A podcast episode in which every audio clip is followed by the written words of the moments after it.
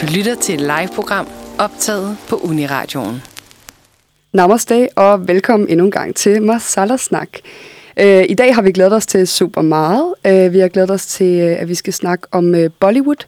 Og Marie, det er jo dig, der har inviteret dagens gæst. Og hvem er det, vi har med i dag? Jamen, dagens gæst det er Katrine Brønsted, som til daglig er lærer på Køgymnasie, men øh, også ved helt vildt meget om Bollywood og indiske film og hele den indiske filmindustri. Og jeg tænker, at det måske er nemmest, hvis du præsenterer dig selv, fordi du har sådan en baggrund, der stikker lidt i alle mulige retninger. I mange retninger.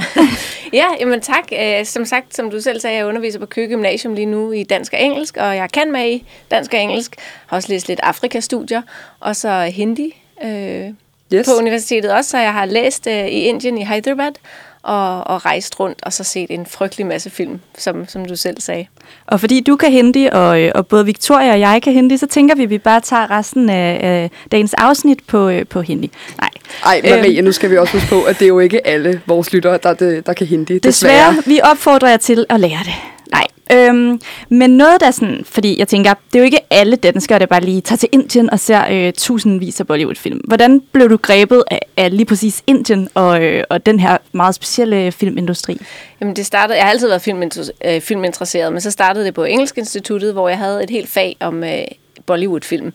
Øh, og samtidig så var det den overgang, hvor der kørte Natfilmfestival. Og de havde hvert år rigtig mange gode indiske film på programmet. Så, så det var ligesom sådan en kombination af det. Og særligt en film, Karl Ho, den mm. ved jeg ikke, om I har set, gjorde et stort indtryk. Øh, vi havde billetter, min kæreste og jeg, til natfilm, og så på grund af sommertid og noget, så kom vi en time for sent. Men så er der jo stadigvæk to timer tilbage. Ja. Så vi tænkte, det, det går nok. Vi, vi går det er det gode. Præcis. Tænkte, vi, vi klarer den. Så, og vi kunne stadigvæk følge med i plottet, og det var med Shah Rukh Khan, en af de helt store stjerner. Og på et tidspunkt, altså den var utrolig gribende, samtidig med, at det var alt for meget. Og så blev jeg bare så imponeret af film, der kan gribe en og røre en, samtidig med, at man sidder og tænker, hold kæft, nu må du stoppe. Øh, så, så, så det var sådan starten, og så har vi bare set på natfilmfestivaler, på kurser, DVD'er, og når jeg ellers har været øh, i Indien.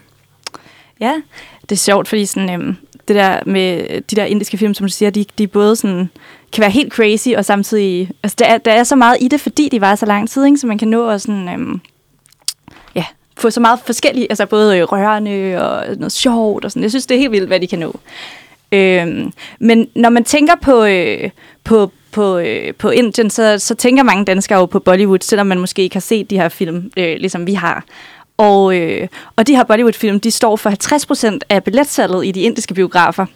Øh, så det er jo helt vildt meget i forhold til, når man tænker på Danmark, hvor at, øh, at udenlandske film fylder en stor del. Det fylder jo slet ikke lige så meget i Indien. Der har de jo hele den her meget, meget, meget store, øh, tunge filmindustri selv. Mm. Øhm, men selvom der er mange, der kender Bollywood, så er det måske ikke alle, der ved, hvad, hvad en Bollywood-film er. Man har måske set nogle sange fra en Bollywood-film eller nogle klip. Men hvad er, altså, hvad er en typisk Bollywood-film? Hvad består den af? Hvad er det, der gør, at man kan se det er en Bollywood-film. Ja, så det er jo formelfilm, så, så man kan netop se. Altså sproget for altså Bollywood-film er mainstream, og det er mainstream på hindi, øh, hovedsageligt fra Mumbai. Så Indien har jo en masse andre filmindustrier på andre sprog. Øh, Tollywood, Collywood, øh, you name it. Det kan vi altid komme tilbage til. Men ellers det, der kendetegner dem, altså de er tre timer plus. Øh, sang og dans, fem til seks sang og dansescener på locations rundt omkring i Indien eller på kloden. Øh, intens kærligheds- og familiemelodrama, patriotiske. De skal også fortælle dig, hvordan du er en god inder. Så er der alle genrer, altså det er jo så den her masala-genre, blandet i et. Altså der er familiedrama, der kan være horror, samtidig med, at der kan være falden på halen komik. Der, der er ligesom det hele. Og så er der også, for at man skal få noget for pengene, de her navras, ni følelser, altså glæde, sorg, kærlighed osv. Sådan så når du går ind og har brugt øh, måske forholdsvis mange penge på den her billet, du får noget for pengene. Man gider ikke gå ind og se en film om kun én følelse, man skal have dem alle sammen. Så det er ligesom formlen. Og, og den formel går igen i de andre øh, filmindustrier, men her er det så sproget hos Ali Hindi øh, blandet med Urdu. Så det er sådan formlen, kan man sige. Mm. Altså, det er jo også det her med, at, at i Indien, der fylder, øh, fylder film rigtig meget i den enkelte inders liv. Altså, som du selv siger det der med, at man går ligesom derind for at få, få alle de her forskellige sanse- eller følelsesindtryk. Mm. Øhm, film altså, hvor danskere måske tager i en forlystelsespark, eller det gør de jo også i Indien, men, mm. men man tager ligesom i biografen for virkelig at få en stor oplevelse. Det er noget, de gør rigtig tit, øh, hele familien sammen, eller, eller venner sammen. Øh, altså, jeg kan huske, da jeg boede i Indien, der var det ret normalt, at man tog i, i øh, biografen en gang om ugen, mm. i, i, hvert fald, i hvert fald en gang om måneden. Ikke? Men hvordan kan det være, at film det spiller så stor en rolle i det indiske samfund og for, for inderne i forhold til, hvordan vi måske kender det hjemmefra, hvor man går i biografen, jeg tror, jeg går i biografen fem, fire gange om året max. Ja, Jamen, altså Indien har en stor... Øh tradition for teater og musik og dans, og det går så igen i filmene, så man kan sige, filmmediet er jo den perfekte, moderne version af traditionel teater, og de første film startede også, altså det var film om guderne, mythologicals, øh, hinduguderne, som, som de fleste kendte, så, så det er jo sådan en perfekt måde ligesom at føre øh, fortælle mediet eller fra teater øh, over til moderne, til den moderne forbruger, kan man sige. Mm, så det er også fordi, det hænger sammen med det her med religion, og du siger også opdragelse, for eksempel, hvordan man er et godt menneske. Øhm. Ja, der er tyk, tyk moral, vil jeg sige, i, i de her mainstream-film, og som vi også kommer til at snakke om senere, så er det jo ikke kun mainstream-film, der kommer fra Indien. Nej. Det, det er så dem, vi måske hovedsageligt har kendt til eller hørt om herhjemme, men nu med streaming-tjenester øh, vil vi også stifte bekendtskab med, med Parallel Cinema, ja. håber jeg. Det kommer vi også til at snakke ja. om senere, fordi Bollywood, det er jo ikke, som du selv siger, det er jo ikke alle indiske film, der nødvendigvis hører under genren en Bollywood-film. Ja, nu kommer jeg også til at tænke på, fordi nu siger vi jo Bollywood-film, og du nævnte jo lige før, at der også var Tollywood og Collywood og ditten og datten. Hvad, hvorfor hedder det det? Hvorfor hedder det ikke bare alt sammen Bollywood?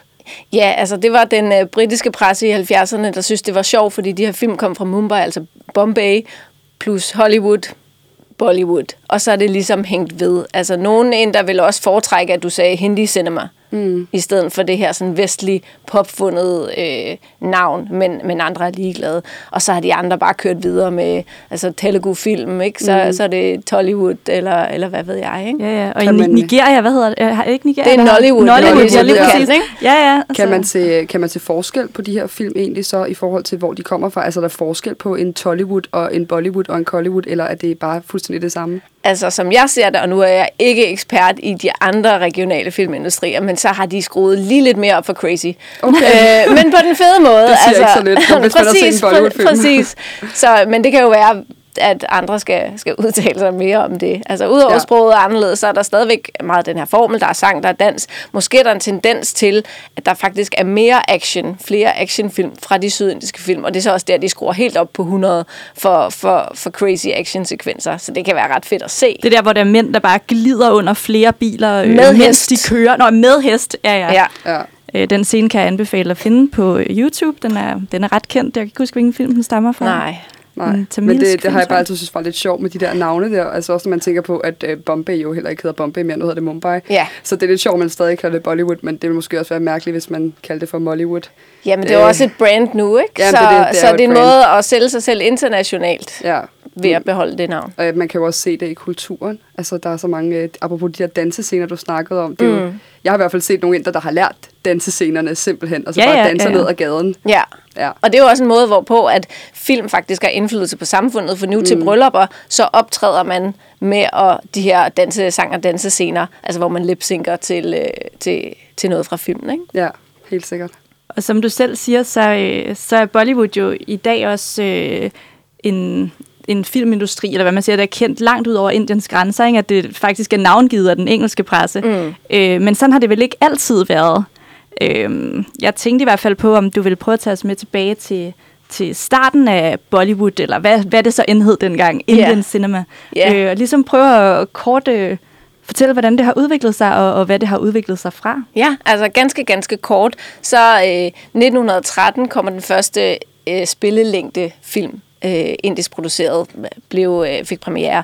Men først i 31, da der kom lyd på, så, så blev ligesom den her øh, grundlaget lagt for den moderne Bollywood-film. Og der skulle så også vælges et sprog. Og så fordi de hovedsageligt blev lavet i Mumbai, så blev sproget så hindi, men også en del urdu, fordi mange af sangskriverne var muslimer og urdu-talende, så, så det ser vi stadigvæk. Så har vi sådan i 30'erne det har fokus på romantiske melodramaer, og det er måske også for ligesom at drømme sig lidt væk, altså de er jo eskapistiske, de her film, drømme sig væk fra Partition, Independence og alle de her ting. Så kommer vi op i 70'erne, nu springer jeg bare lige ganske ja, ja. kort, ikke? Øh, så, så har vi et fokus på actionfilm hvor vi ser øh, en meget ung Amitabh Bachchan øh, træde ind på scenen som The Angry Young Man. Og, og han er jo også stadigvæk i dag en af de mest kendte ja, Præcis, præcis. Jeg tjekkede ham lige på IMDb. Han er, står nu for 243 titler. Øh, så det er alligevel også en del film, ikke? Ja, imponerende. Øh, så han kommer ind som den her unge, vrede mand, der skal bekæmpe korruption, og det ser vi også i det indiske samfund. Jeg tror, det var i 1975, hvor Indira Gandhi, hun bliver ligesom dømt for valgsvindel. Så, så der har man brug for sådan en figur, der slår tilbage. Så i 90'erne, så er vi tilbage til romantiske kærlighedsmelodramaer med Shah Rukh Khan som uh, love interest nummer et. Uh, og nu ser vi så hovedsageligt, eller ikke hovedsageligt, men en stigende grad af også sci-fi film, uh, øh, horrorfilm, actionfilm, og så lige nu er der også sådan en opadgående parallel cinema. Men det sjove er jo så også det der med, at på tværs af alle de her forskellige genrer, så holder den stadigvæk fast i modellen med både det her med, med de stærke følelser, og også det her med, at der er sange. Fordi jeg har jo set øh, indiske horrorfilm, eller thrillers, hvor der, hvor der stadigvæk er musik med. Ja, og det øh, fungerer. Ja, Utrolig ja. nok. Og det er jo også det der med, at så, øh, så det er jo også klart, at, at sådan en film ligesom også spreder sig ud over samfundet, når der er musik. Og, fordi man kan sige, hvis man går i biografen i Danmark, så er det måske titelsangen, som man kan høre lidt i radioen. Mm. Ikke? Men hvis, hvis der er fem sange i løbet af en film, så er, det jo, så er man jo omgivet af film. Man tager jo filmen med ud af biografen på en eller anden måde. Ikke? Altså, så kan man have den som ringetone, og man kan have den til en fest, og man kan høre den til sit bryllup. Og så filmen, den, den, øh, den bliver nærmest tredimensionel. Eller, mm. altså, der er jo en helt ekstra sans med i det, du kan høre filmen. Eller og der findes jo et væld af musikkanaler, som bare kører ja. de her film, filmmusik. Ikke? Øh, så, så, så ja, det er alle, alle steder. Ja, det indiske The Voice måske. Præcis. Altså, ja, og det er jo også det, der er lidt sjovt, fordi der er jo også mange musikere, der bare laver, altså vi spiller jo musik her en hver gang, og nogle gange, så har vi jo nogle gange øh, en, øh, en kunstner, som bare laver musikken for sig selv, og det synes jeg er meget sådan Punjabi-baseret, mm. men vi har også bare altså et hav af Bollywood-film. Vi skal altid lige sige, hvor kommer den her sang fra? Den kommer fra den her Bollywood-film, og det er bare så fedt, at, øh, at filmmusikken bare spreder sig så meget ud over det hele. Ja. Ja. Det er også det med, at der så er en, en historie bag hver sang. Ikke? Man kan sige, i, i vestlig musik, så kender man jo ikke nødvendigvis historien bag, eller så hører man det en kærlighedssang, man regne ud, det er en dag forelsket i en anden, mens i, i de her, på de her hindi øh, numre, der, der kender man hele historien. Man ved, det er for eksempel mm. Shah Rukh Khan, den her meget kendte skuespiller, der spiller denne her bestemte fyr, der er forelsket i denne her bestemte kvinde, og hele setup af det her, og plottet af det og det. Så, så det er også... Øh, det er også nogle sange, hvor man, man kender øh, meget mere historie bag en. Og man kan se det for sig, fordi man har set videoerne, som, som jo følger ja, med. Ja. Plus, at der er narrativ i, i sangen. Ja, ja, og der er allerede en dans, der følger med. Så Præcis. det er jo, ja, det er jo bare, det er så det kommer, det er jo både, det er jo både øh, øh, filmen er jo både øh, for høresansen, og jeg ved ikke, hvad hedder det, krops, øh, ej, det vil ikke ja. følesansen. Følesansen, Men ja. øh, man kan danse en film på en måde, ikke? fordi Præcis. man får serveret den her serie, man lige kan, øh, ja. kan lave hvor som helst. Og det tænker jeg, det gør det måske også lidt mere altså, relaterbart egentlig. Mm. Altså, altså, vi snakker om med kulturen, at det er noget, som de bare lever så helt vildt meget ind i, de her film. Altså de her kærlighedshistorier, og musikken også. At man kan ligesom leve det her Bollywood life i hverdagen. Ja, men det er jo interaktivt, og det er jo det måske også, der, der holder det i live, ikke? Ja. Ja, for ellers kan man godt undre sig over, hvordan de kommer igennem den ene tre timers film efter den anden. Altså, de er fede, men øh, man bliver lidt træt halvvejs nogle gange, synes jeg. Jeg tror altså også, der er en, en ungdom nu, måske især unge fyre, der ikke rigtig gider det mere. Fordi nu har de jo også multiplexes, og der er også amerikanske Marvel-film, og der er alt muligt. Ikke? Så det bliver måske også, og med streaming, det kan vi måske komme tilbage til, mm får ja. de måske en større og større rolle. Men tror du også, det er en kamp for Bollywood på en eller anden måde at skulle komme hen over det? Eller? Det tror jeg nu. Det ja. tror jeg helt sikkert. Det, det er blevet og vil blive ved med at blive, hvis ikke Bollywood fornyer sig lidt mere. Mm. Ja. ja, for der er jo lige pludselig kommet en konkurrent på banen, ikke, som man ikke har set Præcis. i lige så høj grad før. Og med coronanedlukninger i biografer og mm. et væld af, af streamingtjenester, så er det altså så er det op ad bakke at, at lave Bollywood øh, til et biografpublikum. Ja, ja helt klart.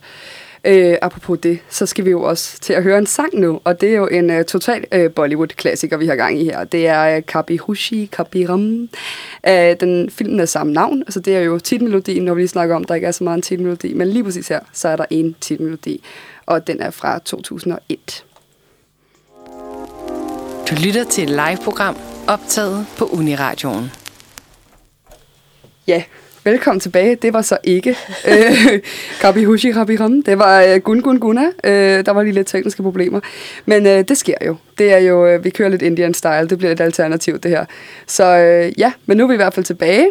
Øh, og vi har hørt en anden dejlig Bollywood-sang. Øh, Som også stammer fra en film, ikke? som også stammer fra en film, der hedder Akne Pat, øh, som også er rigtig god og er fra 2011. Men øh, Marie, jeg tænker, at du, øh, du tager os videre. Yes. Øh, og Katrine, du har jo tidligere sagt, øh, fordi nu kom du også lidt ind på det før, det her med, at der også findes en parallel cinema. Det er ikke kun Bollywood, der er indiske film. Øh, og du har selv tidligere sagt og, og skrevet i din bog, at du... Øh, at du, øh, du har skrevet udgivet nogle bøger om, om Bollywood mm. øh, og indisk films historie. Øh, men der har du sagt, at du selv mere personligt er gået over til det her parallel cinema, hvor du i starten var meget vild med den klassiske Bollywood. Præcis. Kan du prøve at forklare, hvad, øh, hvad parallel cinema det er? Ja, altså parallel cinema er, er mere samfundskritiske og har et mere naturalistisk udtryk. Så, så de minder måske mere om de film, vi vil se, altså dramaer, vi vil se her i Vesten. Øh, grunden til, at jeg er gået lidt bort fra Bollywood og, og mere over til parallel cinema er, for jeg synes, det er mere interessant at se de her samfundskritiske film, og jeg er blevet lidt træt af kvindeportrættet i, i mainstream indisk film. Det tænkte jeg ikke så meget over, da jeg startede med at se dem, men nu synes jeg bare, sådan mange af de der heroes, det bliver lidt creepy og lidt rapey, hvordan man sådan ligesom bare kan, kan gå efter kvinden, indtil hun overgiver sig. Ja, hvad, så, hvad er den klassiske? Kan du prøve at beskrive, hvordan er den klassiske kvinderolle i en øh, typisk Bollywood-film? Jamen, den klassiske kvinderolle, det er jo den her, hun, skal, hun bliver også forelsket, men hun skal jo være sådan øh, køj og, og ikke sådan vil, vil give sig. Hun kan heller ikke altid få det, hun vil have, så hun må ligesom overgive sig. Og så er der den her fyr, som ligesom skal... Altså, det er ofte Khan måske, ikke? Der, der er efter hende og insisterer, insisterer, insisterer, og så til sidst, åh ja, okay, nu elsker jeg også dig. Ja. Øh, og det kan man godt, det, det er jeg blevet træt af. Det er måske ikke så meget en fashion mere. Nej, øh, vel? den, den romantiske tendens med, at manden skal overtale kvinden, det er nok lidt det modsatte nu. Præcis. Ja. Øh, og den, den har de, kører de stadigvæk, ikke fuldt ud, men, men den er der stadigvæk. Ja. Ja. Og så er jeg bare begyndt øh, at se mere parallel cinema. Jeg så den film, der hedder Gangs of Wasseypur. Ja, den er rigtig god. Fantastisk sådan gangster-episk drama. Seks timer. Og det Hold mener op. jeg ikke er for meget. Altså Godfather er jo ni timer, hvis Ja, man ser alle tre, Ja, så det er jo det er rigtigt. ingenting. øh, og der blev jeg også forelsket i Nawasuddin Siddiq, en Ja. af de skuespillere der. Jeg synes, han er så cool. Så, så, så der har jeg måske fået øjnene mere op for øh, moderne parallel cinema. Altså, der er jo hele tiden eksisteret parallel cinema. De bengalske film øh, har, har været der. Der har været samfundskritik hele tiden, men så har der været den her eksplosion af mainstream øh, film. Men, men nu tror jeg med streamingtjenesterne også, og en voksende middelklasse, at parallel cinema får et større publikum. Mm. Så udover det her med, at, øh, at de er lidt mere samfundskritiske, og så er det en anderledes kvinderolle, end vi er vant til at se i Bollywood. Hvad er det så? Er der, er der noget andet, der kendetegner de her øh, film, gør dem? Altså fordi jeg ved, i for eksempel Gangs of Wasseypur, der er der jo også sange med, mm. på samme måde som i en klassisk Bollywood-film. Jamen det er ikke helt på samme måde, fordi her er det jo, der, hvis der er sang og dans, så er det fordi, de optræder til et bryllup for eksempel. Det er ikke den her... Øh, pausplottet, vi er ude i en ørken og danser nu, og hov, nu er vi i Schweiz på en bjergtop. Ja. Hvilket kan være mm. fantastisk. Men her er det ligesom, øh, vi, vi danser til et bryllup i filmen. Men det er interessant at se Gangs of Wasseypur, hvordan Bollywood-film faktisk stadigvæk spiller en utrolig stor rolle, fordi den foregår jo over øh, mange årtier fra 40'erne og til 0'erne. Og du er helt sikker på, hvilket årti du er i, på grund af de filmplakater, der hænger omkring mm. på murene, på grund af de øh, Bollywood-numre, de hører, og som mobiltelefonen kommer, så har de de ringetoner, som ved præcis, måske ikke bare hvilket årti man er i, men, men hvilket år man er i. Så selv i en parallel cinema, så anerkender de, at Bollywood har en, en kæmpe indflydelse i samfundet og i kulturen. Ja, det er jo også tit uh, Bollywood-film, der definerer den indiske uh, mode. Mm. Uh, altså det er, jo, det er jo virkelig tit, at det, det er filminspireret, det inderne går i, kan man sige. Det var jo meget, den, det var meget Bollywood, der, der ligesom begyndte på det her med, at nu havde, havde kvinden ikke længere sari på, nu begyndte hun at have vestligt tøj på, ikke? Mm. og det spredte sig jo så også blandt andet, altså selvfølgelig også mange andre steder fra, men Bollywood er jo en kæmpe inspiration, og man hører tit, øh, hvis der er en eller anden øh, skuespiller, øh, som har haft et eller andet specielt kjole på, eller sådan noget, så bliver den hurtigt solgt, eller, eller kvinder prøver at kopiere den selv, og, mm. og se ud på, øh, på samme måde. Øhm, men parallel cinema er jo også udfordret af rigtig mange ting. Øhm, fordi i Indien er der jo blandt andet det her censorboard, som alle film skal igennem for at få lov til at blive vist. Mm. Øh, og der er det jo tit, at det sker, at, at øh, regeringen nedlægger et forbud, sådan så en film øh, måske ikke må blive vist i biografen, eller det kan ske, når den er blevet vist, at så må den ikke sendes ud alligevel på nogle streamingtjenester eller noget mm. som helst. Øh, kan du prøve at give nogle eksempler på, hvordan det kan være en udfordring for, for parallel cinema? Jamen, altså, udfordringen består jo også i, at der er ikke rigtig nogen retningslinjer. Der står ikke nogen steder, at man ikke må kysse på film. Så det er ligesom op til det her censorboard, hvad de ser, hvordan de vurderer, om, om det er okay eller ej. Mm. Så hvis der nu bare var nogle nedskrevne retningslinjer, men øh, det er der simpelthen ikke, så det er op til dem, og det gælder jo både Bollywood-film og parallel cinema. Alt skal ligesom have, øh, have det her stamp of approval fra, fra det indiske censorboard. Så det er, hvad de synes i situationen ja. er okay at sende ud til folket. Og altså, nu nævnte du for eksempel det her med at kysse på film. Øh, hvad kan det ellers være? Øh, Marie, du nævnte også noget med påklædning, men er, det, er der nogle... Altså, nu ved jeg godt, du sætter ikke nogle regler, men hvad har man for eksempel set af eksempler øh, på, hvor der er nogle ting, der er blevet censureret? Altså, jeg har, jeg har kun lige bidt mærke i det her med kysset, fordi det er mm. det, mange har snakket om øh, hele tiden. Der kan man sige, nu er det måske ikke så super interessant, plus nu ser vi det også, og, og det er jo ikke... Altså, man kan jo godt argumentere for, at det her ikke forbud mod kys, men manglende kys har ledt til større kreativitet, fordi så har man ligesom skulle vise sensualitet på en anden måde. Der er jo den våde sari, øh, ja. vi danser ud i regnen, øh, og men jeg, jeg, kan, jeg kan ikke komme med, med andre konkrete eksempler. Nej, altså, jeg er altså, sikker på, at der er nogen. Ja, jeg har i hvert fald set en film, den hedder, den, den engelske titel er Ghost. Jeg kan ikke huske, hvad den... den Hood, måske. Ja, det, det, kan, ja, det kan være. Jeg, jeg tror, måske var det et eller andet øh, sanskrit eller urdu ord. Nå.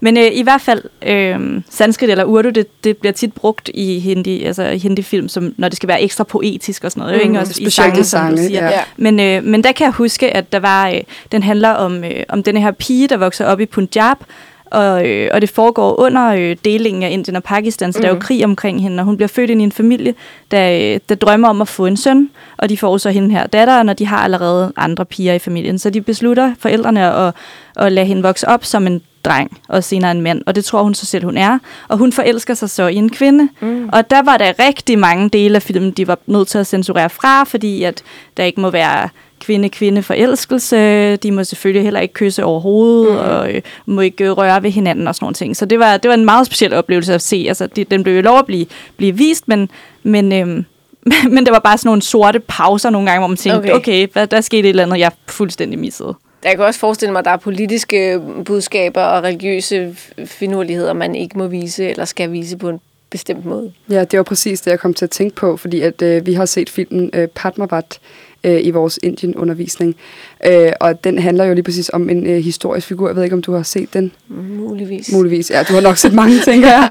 Øh, men den handler jo lige præcis om en, øh, om en altså, mytologisk kvinde. Øh, og den var jo i fare for at blive censureret, fordi at man simpelthen ikke mente, at den havde portrætteret hende øh, korrekt og mm. ordentligt nok. Øh, og så kan man jo godt undre sig, når man så lige bagefter ser en film, der handler om øh, for eksempel Ayodhya-templet, som er det her tempel, øh, som er en, altså en politisk hot potato i mm. Indien. Ikke? Øhm, om, at det, det er både et hindu-område og et øh, muslimsk område, som er helligt, og der står et tempel, et Brahma-tempel der nu, og tidligere var der en moské. Øh, og jeg har i hvert fald set en film, der handlede om det, og der kan jeg da undre mig over, at den bliver portrætteret lidt øh, altså til hinduernes for, fordel muligvis. Mm. Øhm, og hvorfor bliver det ikke censureret, når man yeah. censurerer om en mytologisk kvinde? Ikke? Altså, Men der kan du mærkeligt. komme ind i, hvem sidder i det her censorboard. Ja. Øh, hovedvægten, eller hvad er det, 80 procent af inder af hinduer, hvad er det for en premierminister, vi har lige nu? Ikke? Ja. Altså, der er nogle strømninger, som bare gør, at øh, hvis du portrætterer hinduer korrekt, eller øh, som de synes, så er det okay. Ja. Øh, så der er også ja, der er mange religiøse spændinger. Og det er jo derfor, at Bollywood-film, altså der kan man bare drømme sig væk. Og selvom Shah Rukh Khan jo i virkeligheden er muslim, spiller han altid hindu. Så, så her har vi et univers, hvor at religion er, er ligegyldig. Ja. Efter sine på filmene i hvert fald. Mm. Blandt de her øh, parallel cinema-film, der er der jo faktisk mange, der har fået relativt stor succes her i Vesten også. Øhm, der er blandt andet den her, der hedder Lunchbox, mm. der kom ud, øh, jeg ved ikke, det er mange år siden, måske det er 8, 9-10 år til det ja, lang tid siden, men, øh, men det var en, øh, en Bollywood-film, der handlede om, om en kvinde og en mand, der forelskede sig øh, gennem, det var noget med, de var naboer eller sådan noget. I, og I, jeg ved ikke, kan du huske? Jeg kan, jeg kan huske det. Det er nemlig også med film, Siddiqui. Ja. Øhm, så, så vi har den her kvindes, øh, gifte kvinde, som laver den her lunchbox til sin mand hver dag. Han får den øh, hentet af en dabbervoller og får leveret på sin arbejdsplads. Og øh, der er så en anden, en single mand, som får leveret fra en restaurant. Og så bliver de jo så forbyttet, de her to lunchboxes, og han får hendes mad og synes bare, at den er fantastisk. Og hendes mad kommer hjem, og alt er spist, og det plejer manden ikke, fordi deres altså ægteskab går ikke så godt, og han gider ikke spise det. Og så begynder de at sende breve til hinanden i den her lunchbox. Og det er, jo så, det er jo så ikke en Bollywood-film, for der er jo ikke noget sang og dans. Den er nemlig mere realistisk, og den går jo super godt i Vesten. Den har også haft dansk biografpremiere. Den ligger på Netflix lige nu. Øh, så det er den her rigtig søde fortælling, øh, en meget stille film, som også kun var hvad, halvanden time eller noget. Øh, meget poetisk stille og viser et rigtig fint billede af en lille kærlighedshistorie fra Mumbai. Mm. Og på den måde er der jo øh, er der mange af de her parallel cinema-film, som, som man også i, i Danmark kan få rigtig meget ud af, fordi øh, det måske er lidt nemmere for os at se sådan en film, øh, fordi det kan være svært at forholde sig til alt det her dans og musik og klip, og nu mm. er vi i Schweiz, selvom filmen foregår i Mumbai og alle de her ting. Altså, det kræver suspension of disbelief. Det kræver, at man ligesom går med på, okay, der er den her genre, der er de her træk, hvis jeg bare sidder med korslagte arme, så bliver det meget lange tre timer. Ikke? Jeg bliver nødt til bare at overgive mig og sige, det er fedt, og sangen er fed, og kærligheden er fed, og kostyme, alt er fedt. Ja. Fordi ellers så, så går det ikke. Så skal Nej, man til parallel cinema i stedet for, hvor man kan få et helt andet indtryk af Indien. Men udover den her lunchbox, har du så øh, set nogle andre parallel cinema-film, som, som du synes øh, kunne være værd at se for andre i Danmark? Eller? Mm, altså for eksempel, og det er jo faktisk, jeg ved ikke om, det er jo ikke en crossover, men Amir Khan, en af de også store Khan-skuespillere, han laver faktisk øh, straight-up Bollywood-film, men de er samfundskritiske. Så, så der kan man faktisk få sådan en god kombi, vil jeg sige. Hvis man er helt ny øh, i indisk film, så kan man se Lagan, man kan se Mangal Pandi, man kan se Dangal. Dangal ligger på Netflix lige nu, som er øh, Amir Khan, han er både selv øh, instruktør og øh, spiller faren til to døtre, der skal blive kvindelige brydere. Så det er sådan et for- forsøg på lidt mere feministisk øh, uden at det bliver for voldsomt. Øh, og ellers, hvad, altså, jeg synes jo, Gangs of Wasseypur er the end all and be all Ja. of parallel cinema. Øh, og i forhold til, nu siger du lidt mere feministisk, øh, er det måske også apropos det der med bevægelser og strømninger i Indien Mm. og sådan, altså er der nogle mere feministiske film nu, synes du, end hvad der måske har været tidligere? Altså, jeg har lige set den film, der hedder Pink, som også ligger på Netflix. Mm. Øh, det, den har Amitabh Bachchan som øh, en af de store roller, så det er jo sådan øh, Bollywood, tænker man, men der er ikke sang og dansk, så den er også lidt mere parallel cinema, og handler om, om de her tre kvinder, der, der bliver, jeg vil ikke spoile noget, de ender i hvert fald, der er noget med en retssag, og noget med måske noget overgreb, og hvad er det for et kvindesyn, der kommer til udtryk i den her retssag. Så, så den er måske sådan en crossover mellem Bollywood Parallel Cinema, som behandler øh, det her emne, og der er faktisk sådan ret eksplicite øh, beskrivelser af, hvad de muligvis har været udsat for, de her kvinder, som overraskede mig. Jeg vil ikke sige, at det er sådan den vildeste fede film, jeg nogensinde har set, men den er okay faktisk. Altså, mm. Øhm, ja. Sorry, jeg fik lige noget galt i halsen. det er helt okay. øhm, jeg kom til at tænke på, at... Øh, wow, min stemme. Øhm, Sådan når, er det med øh, masala jo. ja. Ja, men det er lidt, der er lidt masala i kaffen. Øhm, men jeg kom til at tænke på, at nu øh, Bollywood-film, øhm, om de også kan skabe strømninger så. Altså den modsatte vej, kan det også lade sig gøre?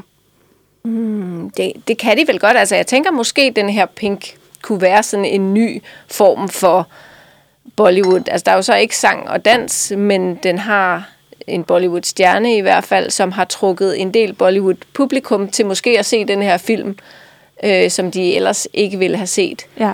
Øhm, Jamen, det er jeg enig i faktisk også. Jeg, jeg så også, det er meget sjovt det der med, når man trækker Bollywood-skuespillere ind i, i parallel cinema, at så følger publikummet faktisk i stor grad med, mm. og ligesom får en helt anden oplevelse. Og nogle gange har jeg været inde og set den med indiske venner, der er blevet øh, sådan irriteret over, at vi troede, det skulle være en fed og sjov film, og så Ja. tager den måske nogle mere seriøse emner op. Men nogle gange har de også synes, det var rigtig, rigtig fedt at ligesom blive, blive lokket ind, kan man sige, gennem Ja. den her stjerneskuespiller. Der er, også, der er for eksempel en film, der hedder Hatter, øh, med øh, en skuespiller, der hedder øh, Shahid Kapoor i hovedrollen. er det den, der er sådan en remake af Hamlet? Det er nemlig Ja. en indisk remake af Hamlet. De laver jo nogle gange de her... Øh, der er også en, der hedder Mac hvad hedder den? Ma- Macbeth. Ma- Macbeth, ja, som er en fortolkning af, Macbeth. Macbeth. Macbeth.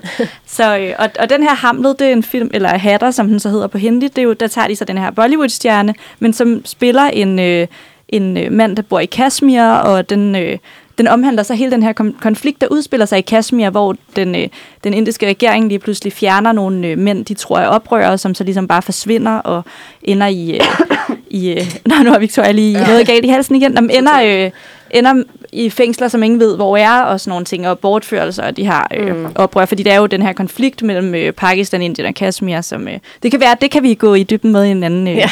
en anden episode, men, men lige pludselig tager filmen øh, nogle rigtig, rigtig tunge politiske emner op, Mm. øh, og får ligesom et ret stort publikum til at gå ind og se den, og derved også på en eller anden måde øh, få dem til at tage stilling til det her Præcis. Præcis. spørgsmål. Ja. ja. Og nu tænker jeg, for lige at give min, øh, min hals en chance her for at komme ovenpå igen, så skal vi måske prøve igen at høre Kabi Hushi Kabi Ram. Film af samme navn. Vi ser, hvad der sker, om den kører nu. Du lytter til et live-program optaget på Uniradioen. Og så er vi tilbage igen. Og det var selvfølgelig ikke Kabi Hubi Kabi Kom, vi gør det igen. Det var øh, uh, Gunguru fra filmen War, og den er fra 2019, og er blevet en rigtig uh, god kending for Bollywood. Uh, en af de nyere. Men uh, Marie, nu skal vi jo snakke om fremtiden. Vi skal nemlig snakke lidt om fremtiden for indisk film, fordi øh, nu kom du lidt ind på det selv, men øh, hvordan tror du, at fremtiden ser ud for den indiske filmindustri? Er parallel cinema ved at tage over for Bollywood, eller er udenlandske film ved at tage over for den indiske filmindustri, så der lige pludselig begynder at blive produceret meget færre indiske film? Hvad, øh, hvad tror du, der kommer til at ske? Ja til det hele.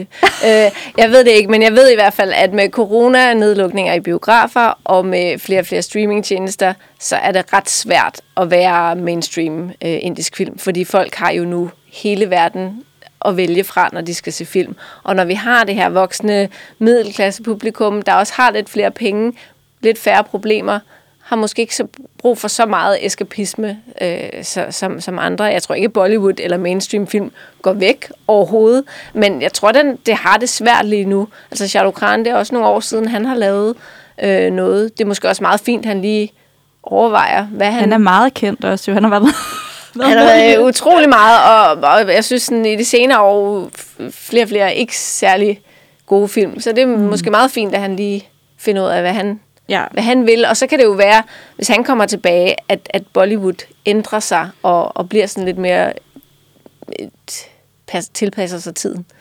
ja. Er det, er det meget personbaseret Bollywood? Altså, nu snakker du om, at hvis han kommer tilbage, så Ja. kunne det ændre Bollywood. Hvordan, hvordan det? Jamen det har været, altså de kalder dem jo også heroes, og der er jo øh, templer rundt omkring, hvor de også beder til de her skuespillere, ikke? så de er meget øh, stjernebaseret.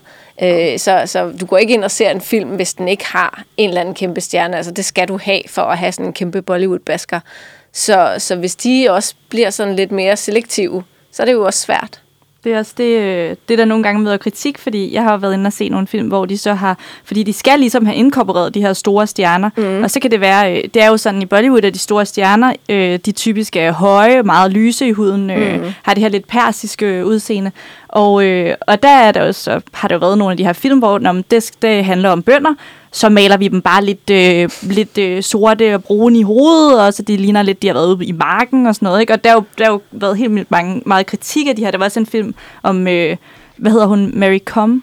Ja, bokseren. Øh, ja, en indisk øh, kendt bokser, som, øh, som i virkeligheden kommer fra, øh, fra Nordøstindien, mm. hvor folk ser lidt mere øh, østasiatiske ud, og, mm. og hendes rolle blev så i filmen spillet af en af de her meget konventionelle øh, Bollywood-skuespillere, mm. øh, som faktisk slet ikke lignede den rigtige bokser. Ja, jamen Indien har stadigvæk et kæmpe problem med altså colorism, pigmentocracy, øh, hierarkier baseret på hudfarve.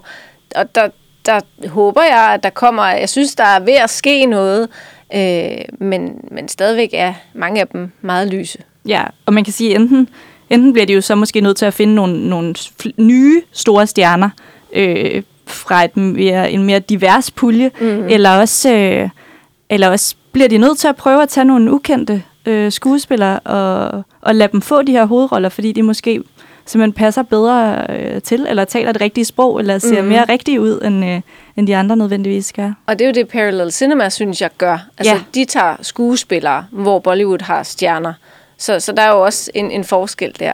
Ja, helt sikkert. Øhm, er der nogle øh, særlige tematikker? Nu kom du ind på det her med feminisme, øhm, som ligesom er begyndt at fylde mere. Er der andre særlige tematikker, du synes, der, der har manglet indtil videre i indisk film? Øh, Altså, det kunne være interessant at se mere sådan, altså, demokrati, byråkrati. Der, der er ofte faktisk en kritik af byråkratiet og af politiet. Øh, de skal så åbenbart være dem, der står på mål for, for alt, der er galt i Indien, øh, i både Bollywood-film og parallel cinema. Men kastesystemet, colorism, kunne også være rigtig interessant at få, få arbejdet med, synes mm. jeg. Der er den film, der hedder NH10. Jeg ved ikke, om jeg, Jeg har, har set, set den. den. Virkelig fed. Øh, sådan parallel cinema, øh, Deliverance møder, jeg ved ikke hvad, byboer kommer ud på landet. Det skulle de ikke have gjort. De kender ikke koderne. Det går, går grueligt galt. øhm, det handler jo om to, øh, to øh, et ungt par, der bor i, i, øh, i Mumbai, tror jeg. Nej, de bor i Delhi, Delhi. i Delhi Mm. og, og kører så ud en tur i bil øh, på den her motorvej, der hedder NH10. Ja. Og øh, jeg tror, at bilen ender med at gå i stykker, eller hvordan er det? Hvorfor? De ender med i hvert fald at køre ind i en lille landsby, og De blander sig i noget, de ikke skulle have blandet sig i. Vi skal jo ikke spoile. Øh, men det går galt. Kan det går man se. galt. Det er horror og socialrealisme og det hele på en Ja, og i et, og det er fedt, for den, den behandler nemlig det her med kaste og kvinder, samtidig med, at den bare er thriller, horror, giv den gas. Øh, Ja. Den er virkelig, virkelig fed. Og hvordan fungerer det? altså i forhold til, nu snakker vi også om det der med censur og sådan nogle ting, fordi ACAS-systemet er jo sådan set ikke lovligt, sådan, altså mere, det står jo i The Indian Constitution. Så er det, ikke no, det er ikke noget, de censurerer simpelthen, på trods af, at det egentlig ikke er lovligt? Eller Altså, hvordan? det er jo ikke lovligt at diskriminere på baggrund af kaste. Ja. Øh, og, og den måde, det, det fremgår på her, altså det er, det er ud over sådan det, hovedproblematikken, så er det sådan en samtale, som vores øh, hovedkarakter øh, har med en politimand, hvor at det er ligesom for at give os forklaring på, hvorfor er der forskel på byboere og landboere, hvor, og han prøver ligesom at få det til at fremstå som om, at det er godt med kaste, det, det adskiller os, og det er positivt. Øh, jeg ved jo ikke, hvad de har haft af tanker i det her sensorboard, men, Nej. men det har ikke været noget, der har øh, været problematisk åbenbart. Ja, det er det, der er så svært at vide, når der ligesom ikke er nogen regler, ikke? Præcis. Ja. Øhm, hvad så i forhold til, du siger også, der er noget med det her colorism, øh, som er et tema, du synes, de godt kunne behandle mere. Kan du prøve at forklare, hvad det er? Jamen altså, det er jo det her hierarki, som vi ser i det indiske samfund, med jo lysere du er, det, desto mere er du værd. Øh, så som du også selv nævnte, så har vi de her store stjerner, der er meget lyse i huden. Også selvom øh, de laver i Bollywood et remake af en sydindisk film, så har vi så øh, hindi-stjerner, så, som, som er lyse og skal forestille at være sydindere. Øhm, så det synes jeg vil klæbe dem måske, og, og som du selv nævnte, altså bruge folk, der ser, ser ud som de gør der, hvor det kommer fra, der hvor filmen foregår, for eksempel. Mm. Øh, I reklamer ser vi nu lidt flere være lidt mørkere i huden, men altså, hvad de kalder mørke i huden, vil jeg stadigvæk sige, var forholdsvis lys i forhold til en sydinder. Ja. Altså, nu har du jo selv skrevet, øh, du ved jo tydeligvis mega meget om Bollywood-film, kan man høre, øh, udover bare at have set dem. Øh, og du har selv skrevet to øh, bøger, som du også har givet os i dag. Den ene, den hedder Narrating India, og det er en antologi. Øh, kan du prøve at, fordi sådan en antologi, den kan jo indeholde alt muligt. Kan du prøve at fortælle, nu har jeg jo ikke kunne læse den, for jeg har ikke kunne nå at finde den, men, øh, men nu har jeg den. Ja. Vil du prøve at fortælle, øh, hvad den handler om? Det kan du tro. Altså, det er hovedsageligt eller målrettet engelsk i øh, gymnasieskolen. Mm. Så det er en antologi, fordi jeg var sådan, jeg underviser jo engelsk, og er lidt træt af, at når man har om Indien, så skal det handle om kolonitiden og Gandhi hele tiden. Så tænker jeg, ej, Indien er altså meget mere, det synes jeg, vi skylder Indien, fordi jeg er stor fan af Indien, og det skylder vi vores elever, at, at ligesom fortælle dem, hvor fed Indien er, hvor, hvor anderledes øh, i forhold til bare det her kolonitid, det er. Så, så der er seks kapitler delt op øh, i forskellige temaer. Et af dem handler selvfølgelig om filmindustrien. Mm. Øhm, men ellers så, så er der, der er altså et kolonikapitel, men jeg starter faktisk med Partition og Independence, for ligesom at sige, her starter Indien, lad os komme videre. Jeg har ikke nævnt ja. Gandhi en eneste gang. Shocker, men det kan godt lade sig gøre. Øh, og så ellers op til altså moderne Indien. Hvad foregår der? Hvad synes unge, moderne inder er interessant for vores elever kan forstå, at vi er ens. Altså det er jo også sådan, når, når jeg har om pigmentocracy og colorism, så er det understreger over for mine elever. Det er ikke fordi, vi skal sidde og grine om og sige, haha, de putter blegecremer på. Men også at se lidt ind af sådan, ja, I går i solarie. Ja. Altså hvad er det i Ja. det hele taget for nogle skønhedsidealer, vi har? Så det er det, jeg har prøvet med, Minarioting India. Og der er jo så både billeder, og er der ikke også øh, dele af artikler? Og Præcis, altså det er film, en øh, antologi, så der er uddrag fra øh, romaner, der er noveller, der er artikler, øh, billeder. Altså, jeg kunne forestille mig, at den var helt vildt spændende at læse, også for folk, der bare gerne vil vide, hvad, Ja, jeg hvad tænker- er Indien? Altså, Præcis. Udover Gandhi og, og Bollywood, kan man sige. Præcis, udover er Gandhi, fattigdom og, og Ja. Bollywood, ikke, så er det ja. meget mere. Så, så jeg har prøvet øh, at lave en antologi, der, der viser så forhåbentlig så forskellige artet Indien som muligt. Og det kan måske også være et supplement, hvis man alligevel sidder og skal høre masala snak. Og der snakker vi jo også meget modernet Indien. Og mm. jeg synes da også, altså nu læser vi jo også modernet Indien og Sydasien studier, og det handler jo også enormt meget om historie. Så øh, altså jeg er da, tusind tak for den bog. Jeg synes, det bliver, det bliver mega fedt at læse lidt mere om modernet Indien. Også fordi jeg har i hvert fald tænkt meget over det, når man ser de her reklamer, når man er øh, i store byerne eller ser indisk tv, hvor mm. der er så meget med det her, øh, hvad du kalder det, colorism. Ja, pigmentocracy. Ja, pigmentocracy, ja, det er virkelig interessant, og det, men det er jo det samme, vi gør, ikke? Det er bare modsat. Præcis. Ja, Så det handler ikke om at sige, ej, hvor er de dumme, hvor er de sjove, eller fjollede. Det er sådan, lad os se på skønhedsidealer i hele taget. Lad os kigge på øh, øh, matrimonials, altså de her ægteskabsannoncer. Hvordan vil du skrive en matrimonial for dig selv eller din sidemand? Den vil jo se anderledes ud. Der Ja. vil vi måske ikke skrive, at man skulle være fair, eller at man var fair. Mm. Der, der lægger vi vægt på nogle andre ting. Ja, men det er jo også interessant, at det er med altså i beregningerne, altså om, øh, om det er en, en, en fair pige, altså en pige, der er lys i huden, eller Præcis. ikke er lys i huden, at det betyder så meget, også i forhold til ægteskaber. Ja. Det synes jeg er skørt. Men nu ved jeg også, øh, nu snakker du om, at du, du bruger den her bog i din egen undervisning. Du er jo Mm. selv øh, lærer. Og, øh, og hvad, hvad synes du, altså du sagde også, du så, øh, I har sådan en venskabsklasse i Indien, eller Ja. hvordan? Altså hvad, hvad er det, du bruger det til, eller hvad, hvad er det, dine elever får ud af det her fokus på, øh, på Indien? Altså det gymnasiet skal, det er jo almen danne folk. Og jeg synes virkelig, de gange, jeg har haft øh, danske elever med til Indien to gange, og det er almen dannelse. Hvad de får af oplevelse. Altså først kommer de indiske elever her, og de bor hos hinanden. Så de indiske elever og de danske elever har ligesom en makker, og så bor de hos hinanden og tager sig af hinanden. Øh, så, så vores elever møder ligesom Indien på, på egen grund, kan man sige, øh, inden vi så tager til Indien. Og de, altså, de vokser helt vildt, hvad de oplever, hvad de både skal håndtere af, af sådan, ja, udfordringer, men også får af, af indtryk. Øh, altså, det synes jeg virkelig, at alle, alle bør prøve. Mm. Ja. Det kan man i hvert fald ikke få ved, bare ved at se en Bollywood-film. Nej, præcis. Eller, eller læse om noget. Det kan du bare ikke. Du, du bliver nødt til at tage dig hen, og Indien er fuldstændig crazy. Øh, og det var da jeg sad, og jeg havde et fag om øh, Amitav Ghosh, den indiske forfatter, og sad og læste alle hans bøger, og tænkte bare sådan, jeg må derhen. Mm. Og så tog jeg til Indien, og det sanseindtryk, man får, er jo sådan helt, helt vildt. Så man kan ikke forklare Indien, men jeg bliver nødt til altså, at undervise mine elever rigtig meget i Indien, inden vi tager afsted. Ja. For ellers vil det chokket være for Jamen. stort, og så vil de heller ikke kunne værdsætte.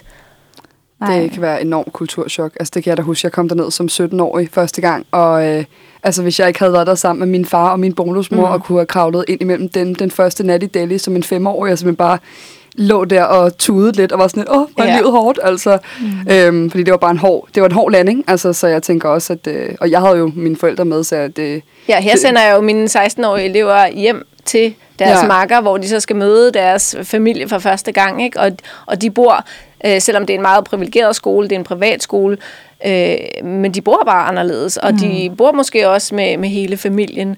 Og øh, deres måde at, at komme i skole på, eller regler og mad, øh, men øh, alting er jo helt anderledes.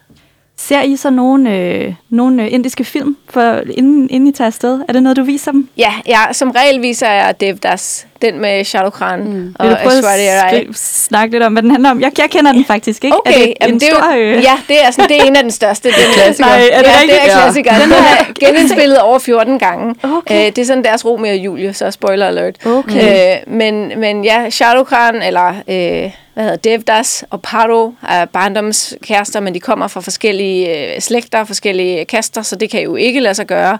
Øh, og så, ja, Romeo og Julie style, Bollywood style. Okay. Så man kan sige, at den er også interessant, fordi den, de første 10 minutter, det er falden på kom- komik og altså Charles tante nærmest. Og så bliver den super intens. Og det er det, jeg synes ofte, Rukh Khans, de gode film, kan gå fra fuldstændig slapstick og latterligt et eller andet til bare, jeg har dig i min hulehånd, og nu skal du bare føle. Ja. Og det, og det gør man. Og de ser den, og altså, jeg har også klædt dem godt på. Fordi jeg vil våge påstå, du kan ikke bare se en Bollywood-film og så nyde den nej, nej, nej, nej, nej.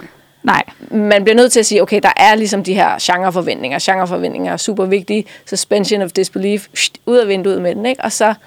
Og vide, hvad det er, man ser. Jeg kan huske, øhm, jeg var engang på feltarbejde. Jeg øh, er jo antropolog, og dengang jeg læste antropologi, der var jeg på feltarbejde i Indien sammen med øh, seks medstuderende. Mm. Og vi var inde og se en Bollywood-film. Jeg kan ikke huske, hvad den hed.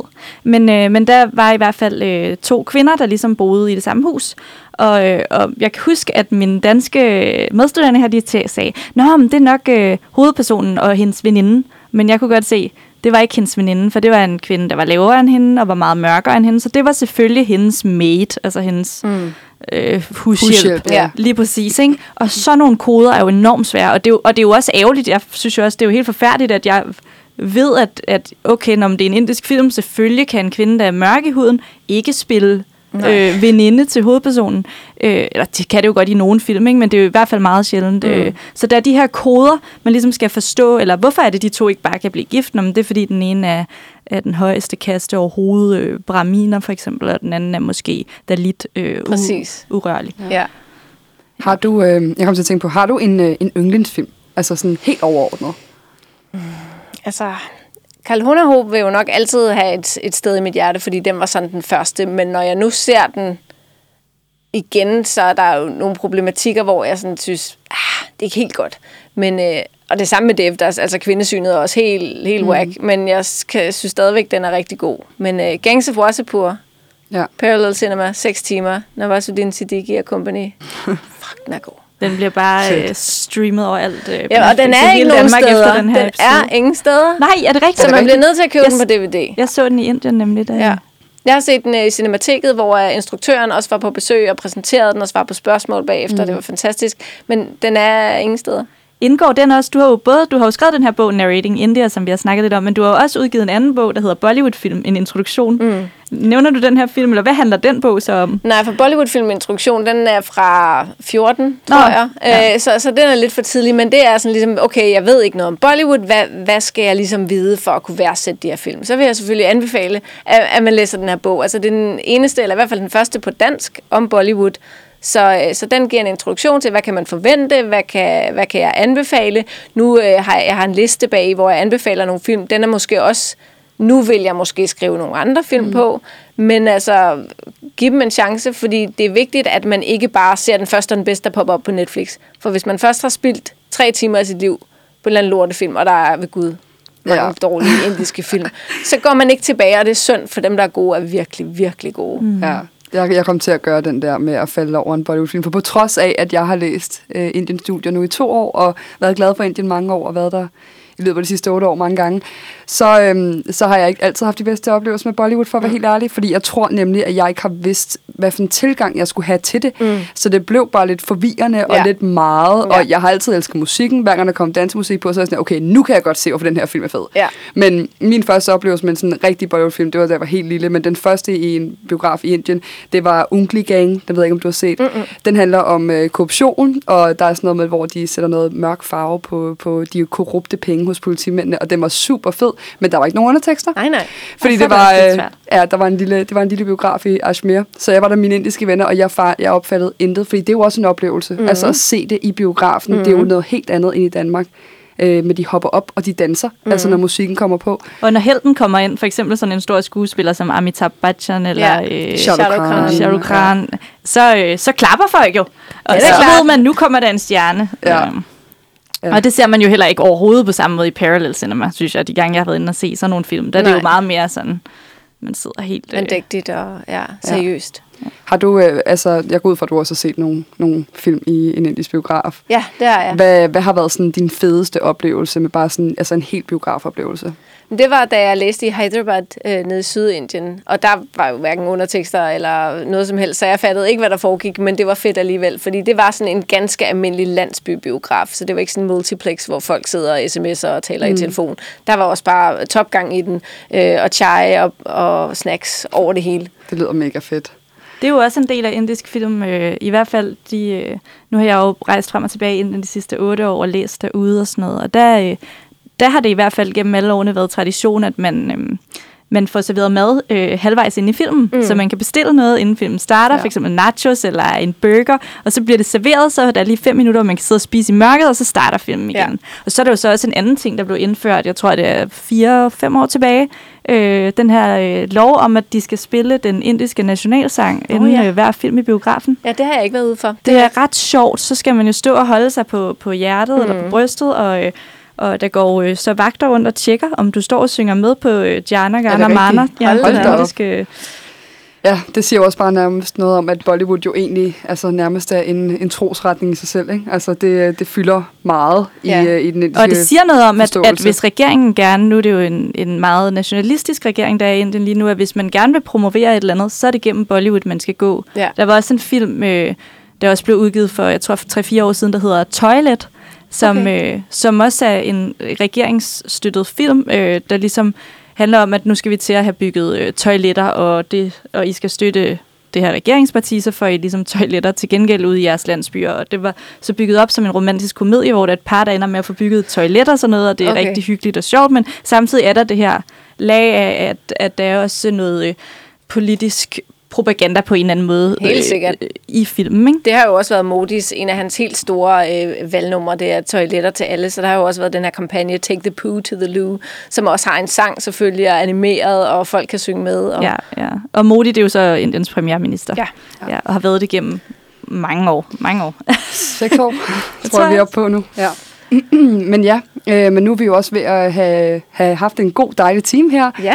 hvor vi har fået øh, snakket en masse om Bollywood. Er der noget, øh, nogle sidste øh, kommentarer eller anbefalinger eller lignende? Eller hvis man vil følge lidt med i det, du laver, hvad Ja, hvor skal man så finde dig henne? Jamen altså, nu er, nu er jeg, jeg vil ikke sige rykket videre fra Indien, det lyder som om, at I'm so done with that. Men øh, altså, som, som underviser bliver man jo nødt til at forny sig. Jeg kan ja. ikke blive ved med kun vise kun at tale, altså, jeg kunne undervise tre år bare om Indien på engelsk, øh, men det kan godt være, jeg tror, mine elever vil blive lidt trætte. I forvejen bliver min forløb sådan meget lang. Ikke? Sådan en halvt år med Indien, så vil de gerne noget andet. Mm. Så lige nu øh, arbejder jeg med non-fiktion, øh, narrativ non-fiktion.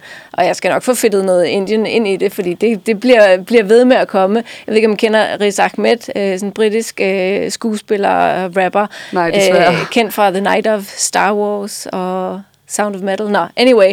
Han, han har rødder, eller hans familie har rødder i Indien. Hans seneste album, The Long Goodbye, behandler ligesom den splittelse, han føler øh, i forbindelse med Brexit, og hvordan han føler, at England har slået op med ham. Og der er også masser af referencer til Partition. Der er en dag en af hans sang, der hedder Toba Teng Sing, som er en, en ret kendt novelle af Sadat Hassan Manto. Øhm, så, så selv når jeg har om non-fiktion og andre forløb, så får jeg alligevel sådan lige lidt, ja. lige lidt Indien ind. Det kan der man skal godt. altid helst være lidt Indien indeni øh, i det hele, synes jeg ja. i hvert fald. Og det er jo også det gode. Jeg tror, Indien er da også et af de lande i verden, der har den største befolkningen uden for landets grænser, mener jeg. De er over det hele. Der er små dele, små bidder af Indien. Ja, der, der er spørger NRA's over det hele. Ja. ja. Så det vi prøver at sige er, at øh, hvis I lytter med, så er I allerede i gang med at gøre det rigtigt, fordi at I er i gang med at lære om en kæmpe stor verdensdel. Ja. Øh, lav, lav en kop chai og øh, find Gangs of Wasseypur eller NH10, den ligger så heller ikke nogen steder. Men ellers så på Netflix, der er faktisk ret mange Øhm, så man kunne se, altså hvis man er til, nu ved jeg ikke, hvor meget tid vi har, men uh, Rowdy Rator, sådan en virkelig fjollet actionfilm, og, og Singam også, så hvis man tænker sådan action, mm. for meget, let's go, så er det de to, og de ligger på Netflix. Vi kan jo lave en lille liste. Ja, jeg tænker, når vi, øh, vi lægger jo også episoden op her som, øh, som podcast efterfølgende, og så tænker jeg, så skriver vi lige øh, en notits i podcasten om de her forskellige titler, mm. så, så man kan komme ind og finde dem, når man har lyst til det, og sætte sig ned og lave en kop chai, som du sagde, og så se en super god Bollywood-film. Ja. Men, men i hvert fald, tusind tak for, at du, for at du kom. Det var mega, mega spændende at, at høre, Katrine. Det var ja, fedt det og få snakket om Bollywood, det har, vi, det har vi glædet os til, og det har vi også manglet. Det er jo en kæmpe stor del af Indiens kultur. Men øh, ja, så vil vi sige tak for i dag, og vi vil prøve igen med Kapi Hushi, Kapi Hon. Fordi vi har ikke flere downloadet sange, end det er tredje gang af lykkens gang. Øh, men i hvert fald, øh, ham Milde her. Du lytter til et live-program optaget på Uniradioen.